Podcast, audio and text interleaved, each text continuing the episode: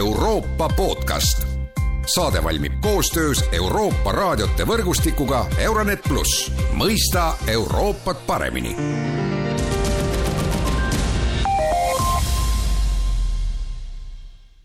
tere ja alustame Euroopa podcastist äh, oma sügisest hooaega ja mõistagi on teemaks Ukraina, milles keev sõda hoiab jätkuvalt Eesti ja maailma avalikkust ärevil.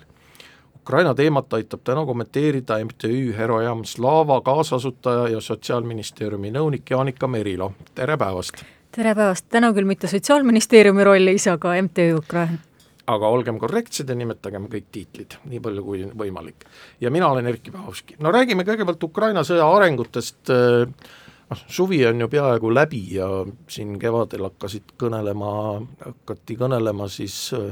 Ukraina vastupealetungist, äh, mis, mis kohe-kohe on algamas, aga nüüd me oleme näinud, et Ukraina on võib-olla mõnes lõigus äh, edu saavutanud, aga ilmselt mitte loodetud määral ja ja võib-olla see jutud vastupealetungist olid ka liialdatud, kuidas sulle tundub? ma arvan, et loodeti imesid, aga imesid paraku ilmselt sõjas väga palju ei juhtu. imesid siis tähendab, et oli ju teada, et on tegemist siiski suure ja tugeva sõjaväega, kas maailma teine on nüüd küsitav, aga, ja samuti, et Ukrainal ei ole tegelikult piisavalt varustust, ei piisavalt kaugmaarakette ega ka piisavalt, lähedalegi piisavalt äh, õhuväge ja tegelikult on ju NATO ja USA enda doktriinide vastu alustada mis tahes vastu pealetungi, kui sul ei ole ülekaalu õhus. Ukrainal mitte ainult ei olnud ülekaalu õhus, vaid tegelikult ei olnudki õhutuge praktiliselt mitte mingit. et selles mõttes äh, ma arvan, et loodeti, et küll küll ukrainlased, kes on julged ja leidlikud, ikka hakkama saavad, aga see ei toimi ju selles et kordub mahus. sügis kaks tuhat kakskümmend kaks, kus Ukraina tegelikult ju vallutas tagasi suure, suuri maa-alasid no tahaks loota, loota, et see tegelikult lõpuks nii lähebki, et praegu ollakse ju läbi murdmas ikkagi esimestest kaitseliinidest, mis on mineeritud ja demineeritakse kõige raskemaid kaitseliine ja osadest on juba läbi murtud ja tegelikult on lootust, et kui need läbimurded toimuvad, siis tasapisi hakkab ka rinne lagunema, et see kiireneb kindlasti, kui on ri-, liinid katki no kas võib rääkida ka sellest, et äh, Venemaa on hakanud Ukrainat tõsisemalt võtma ja võib-olla ka äh, sellest, et Venemaa ju ise pealetungi ei planeerinud, ta hakkas ju ehitama, sa juba mainisid, eks ole, igasuguseid tõkkeid, kaitserajatisi ja nii edasi, et Venemaa tegelikult valmistus kaitseks. et Venemaa ise on aru saanud, et tal ei ole enam ründejõudu ma arvan, et Venemaal ei ole enam ründejõudu, enne kui ta korraldab mobilisatsiooni, mida ju tegelikult Putin väga kardab ja siiamaale kardab, ja seda on näha ka sellest, et viimastel päevadel on hakatud juba eliitvägesid tooma rindele, mis tähendab, et tõesti on ressursi puudus, rääkimata sellest, kuidas ju ka Venemaa kõrge sõjaväeline juhtkond kurdab, et sõdureid ei vahetata välja ja ei anta puhkust, et selge on see, et ta on kurnatud Venemaa. samas ma arvan, et Venemaa on hakanud Ukrainat tõsisemalt võtma, aga leiab endale väga palju seletusi ja vabandusi, et tegelikult see ei ole Ukraina, et see on ikkagi lääne relvastus, mis nende vastu äh, sõdib ja kindlasti alahinnati mitte ainult Ukrainat, vaid ka neid tohutuid äh, mahtusid relvastusest, mida on Lääs tõesti andnud ikkagi sadades miljardites. Ja seda ta alahindas kindlasti ka, et nüüd ei ole enam palju variante, kui kaevuda ja ehitada kaitseliini või korraldada mobilisatsioon ja minna sellele, sellega vastu järgmise aasta presidendivalimistele. Noh, tegelikult ukrainlased on ju ka dilemma ees ja, ja mõneti nad üritanud seda lahendada, ma räägin siin sellest, et kanda siis sõjategevus väljaspoole Ukraina territooriumi ja me oleme näinud ju droonirünnakuid äh, mitmele objektile Venemaal, äh, samas, eks ole, ukrainlased on ise aru saanud või, või vähemalt äh, mõista andnud, et lääs on andnud relvastust siis ainult kaitsesõjaks Ukrainas. et et äh, kuidas sinu arvates Ukraina peaks selles olukorras käituma, et sest noh, tegelikult ju kui see sõda ikkagi viia venelaste endi territooriumile, siis saavad vene, venelased nagu aru ju, et see sõda on reaalne, et see sõda ei ole ainult televiisorist vaadatav, vaid see ongi nende igapäevane nähtus ja see võib mõjutada ka venelaste psüühikat ehk siis praegu asümmeetriline sõjapidamine ongi parim lahendus, mis antud juhul võib olla, kui ei ole piisavalt äh, inimesi ega varustust ja Ukraina valib ju alati teise taktika, et inimese elul on väärtus erinevalt Venemaast. nii et paratamatult, mida rohkem on kaugmaarelastust, mida rohkem on droone, seda rohkem võimel-, võimaldab see nii-öelda päästa elusid ka Ukrainas, see, kui hävitatakse relvalaod äh, mitmesaja kilomeetri kaugusel, see, kui Venemaa tunneb, et nüüd ta peab kaitsma ennast hakkama ka Venemaa piirides, kuidas on näha ju viimastest seadustest, et Venemaa juba lubab äh, piirilähedastel oblastitel relvastada oma kaitsejõudusid ja kuidas Rosgvardia saab juba oma tanke ja Venemaa tunnetab, et tegelikult need piirid on laienenud, aga irooniline on see, et sellest on muutunud, tulemas uus reaalsus. ehk siis tegelikult juba venemaalased, on tehtud palju selliseid erinevaid juhuslikke küsitlusi ja venelastele see on nagu juba peaaegu normaalne, et jaa, et droonirünnak, et loomulikult noh, meil on ju nii-öelda erioperatsioon ja ikka selle käigus võib tabada ka mõni droon Moskvat. aga samas ka ei kajastata seda ju riigitelevisioonis. et tegelikult see inforuum on ikkagi piiratud ja kuidagi nagu selle konna keetmise anekdoot, et tasapisi ja mida tasapisi jõuab küll Venemaa territooriumile, aga sa suudad kogu aeg ära seletada, et see peabki niimoodi olema ja see on normaalne. et tegelikult ei ole veel seda seost, et droonid lendavad Moskvas, sellepärast et Putin on meie president ja ta peab sõda Ukrainas, et neid omavahelisi seoseid ei tundu veel olevat e, no tegelikult arengud Ukrainas on ju ka olnud huvitavad ja ma ei mõtle siin ainult sõda, vaid ka seda, et et rahvusvaheline meedia pajatab siin sellest, et Ukraina president Volodõmõr Zelenskõi teatas, et korruptsioon Ukrainas on võrreldav riigireetmisega, tegelikult see on päris karm avaldus ja siin on tulnud ka kriitikat selle kohta ju, et Ukraina uurimisorganid on ju öelnud, et see tegelikult raskendab korruptsiooni uurimist või see annab siis Ukraina julgeolekujõududele liiga palju võimu, et korruptsioonis siis süüdistatav Äh, mõistetakse riigireeturiks, et äh, aga sinu arvates, miks äh, Zelenskõi sellise käigu tegi? ma arvan, et see oli tegelikult isegi mitte juriidilises mõttes niimoodi mõeldud, vaid rohkem nagu signaal, et riigi, et korruptsioon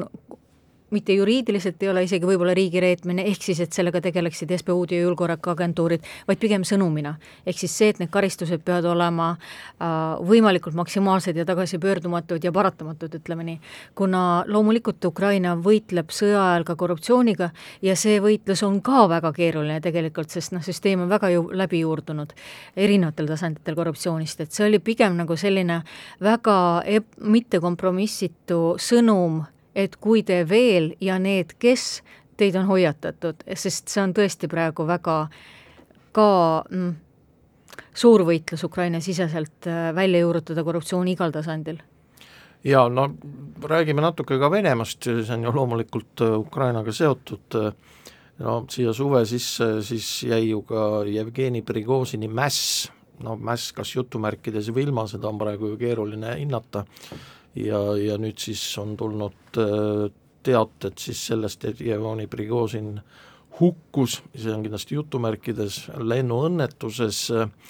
Jevgeni Prigožin teatavasti Wagneri juht ja üks asutajaid, no kuidas tundub, kuidas see Jevgeni Prigožini surm võiks mõjutada sõda Ukrainas, et äh, Wagneri liikmed läksid suures osas Valgevenesse, kas Wagner äh, tehakse kuidagi ümber, kas Wagnerit kasutatakse siis võib-olla Leedu ja Poola vastu, kui mõelda hübriidsõjale või tuleb Wagner mingil muul kujul tagasi Ukrainasse, et missugused need võimalused võiksid olla? Ma arvan, et see muusika on küll nüüd lõppenud ja nagu tavaliselt Wagneri ooperid üsna kurvalt Wagneri jaoks. et tegelikult äh, peale seda, kui väed tulid ära Bahmutist, ei ole nad ju tegelikult aktiivses sõjategevuses osalenud ja ega tegelikult ka Lukašenko neid väga Valgevenesse ei tahtnud. ja samas on praegu ju näha, kuidas ühelt poolt on osad wagnerlased alla kirjutanud lepingud ikkagi Venemaa kaitseministeeriumiga, mis oli Putini nõue, nüüd ju viimati nõudis ka vandade truudust, samas osad on läinud ka Aafrikasse, osad on tõesti Valgevenes, kuigi Valgevenes on näha juba, et teatud laagreid on hakatud äh, lammutama otseses mõttes ja nad kindlasti võivad tekitada segadust, nagu Venemaa alati teeb hübriidsõja käigus. näiteks äh, tekitada järgmise migratsioonikriisi Poola-Valgevene piiril või äh, aga just nimelt hübriidsõjana, et ma arvan, et kui sõjategevuse üksus äh, Putin ei andesta, ei unusta, ei tunne vajadust sellisel kujul sellise rühmituse järgi ja proovib pigem kas igal kujul, ütleme niimoodi, üle viia Kaitseministeeriumisse või lagundada, lammutada, üle anda kuidas sulle tundub Putini võimupositsioon praegu, et eh, noh, suure tõenäosusega ju Putin oli Jevgeni Prigožini eh, surma taga. Ja, ja kas nüüd sellest tema võim siis kindlustub või on see tegemist sellise tõesti viimase võitlusega ja ja Putin jääb järjest rohkem üksi ma arvan, et see oli viimase võitlusega, sest ta pidi seda tegema. et kui oli ju väga, peeti teda nõrgenenuks sellepärast, et ta ei tapnud Prigožinit või midagi ei juhtunud Prigožiniga, et ütleme nii, ta paratamatult pidi selle käigu tegema, mis ei näita olulist tugevust, tegelikult ju eliit teadis ka varem, et jah, et Putin, ütleme nii äh,, ei andesta mässu, aga ma arvan, et see pigem saadab nüüd sõnumi nendele, kes peaksid järgmist plaanima, et enne Moskvat ei tohi pidama jääda ja Valgevene roll, et eh, mis seisus praegu Lukašenko võiks olla, et mis mängu mängib Lukašenko, et eh, Prigožinist saadi lahti, no aga nüüd siis suhe Putiniga, sõda Ukrainas jätkub, et eh, Valgevene, no kas, kas Lukašenko positsioon nüüd võrreldes Ukraina sõja algusega on kuidagi, kuidagi paranenud või pigem mitte? Ma arvan, et pigem mitte, sest tegelikult ju äh, Lukašenko ühelt poolt on kogu aeg keerutanud, et mitte otseselt sõtta astuda, kasutage minu territooriumi, aga mitte minu sõjaväge, teiselt poolt on ju tugevnenud repressioonid ja seda juba aastast kakskümmend, äh, kaks tuhat kakskümmend, ja oli just värske uuring, mis ütles, et äh, iga seitsmekümnes valgevenelane on sattunud Lukašenko režiimi ohvriks otseselt füüsiliselt viimaste aastate jooksul, et tegelikult on päris tugevad repressioonid. kolmandalt poolt ma arvan, et Lukašenko tundus, tundis ka kerget külma ilma tuuleiili oma kuklas peale seda, kui ta luges uudist Prigožinist, sest ka Lukašenko, ütleme niimoodi, ei ole ilmselt vastanud Putini ootustele ja eriti vaadates, kuidas ta nautis Prigožini, ütleme, läbirääkimisi ja oma rolli selles, et tegelikult kindlasti mitte ta positsioon ei ole kuidagi tugevnenud, pigem on äh,, pigem on nõrgenenud ja nõrgeneb veelgi no räägime sellest ka, mida sina igapäevaselt teed, et, et sa aitad otsida Ukrainas küüditatud lapsi, et mis need asjaolud on, et kõigepealt peaks võib-olla lahti rääkima selle, et kuidas neid Ukrainas neid lapsi on küüditatud ja, ja kui palju neid on küüditatud ja kuhu?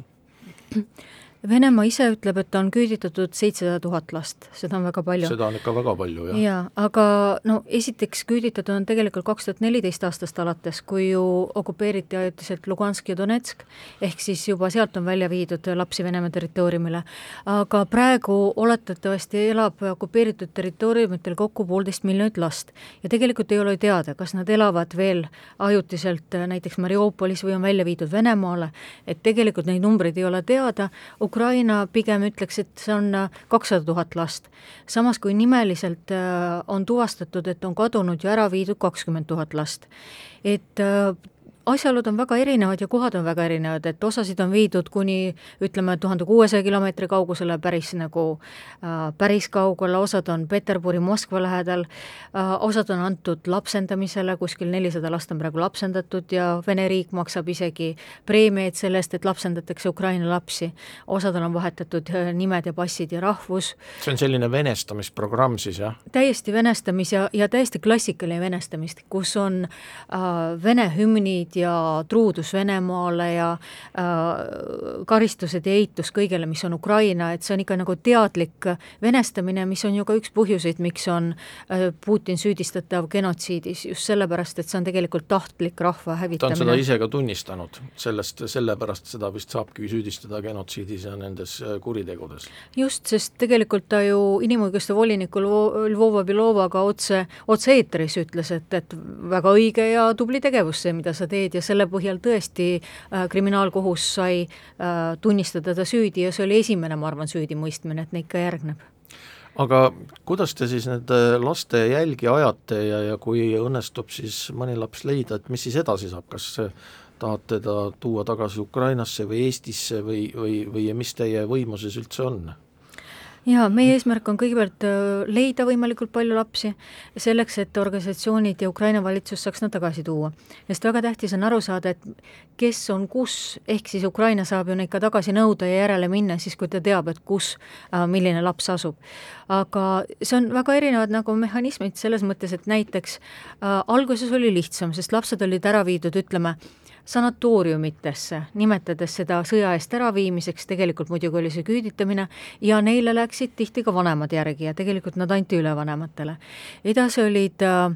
lapsed, kes olid ära viidud näiteks Mariupolist või okupeeritud piirkondadest ja nende kättesaamine oli keerulisem, sest vanemad mitte alati ei pruukinud olla kahjuks kas elus või äh, olid nad ka ise parasjagu okupeeritud territooriumitel. Äh,, siis on loomulikult orvud, kelle, kelle tagasitoomine on veelgi raskem, kuna ei ole sugulasi neid, kes neid tagasi küsiks, aga meie omalt poolt, kui me leiame need lapsed äh, nii avatud kui suletud allikate põhjal, et see on tõeline selline uurimistöö äh,, anname nad üle Ukraina inimõiguste volinikule, kellega me teeme koostööd väga hästi, kelle kontoriga, ja samuti on äh, MTÜ-d, kes toovad lapsi tagasi, aga põhiliselt Ukraina inimõiguste volinik, kes on meie igapäevane selline koostööpartner. kas mingisugused kontaktid on ka ÜRO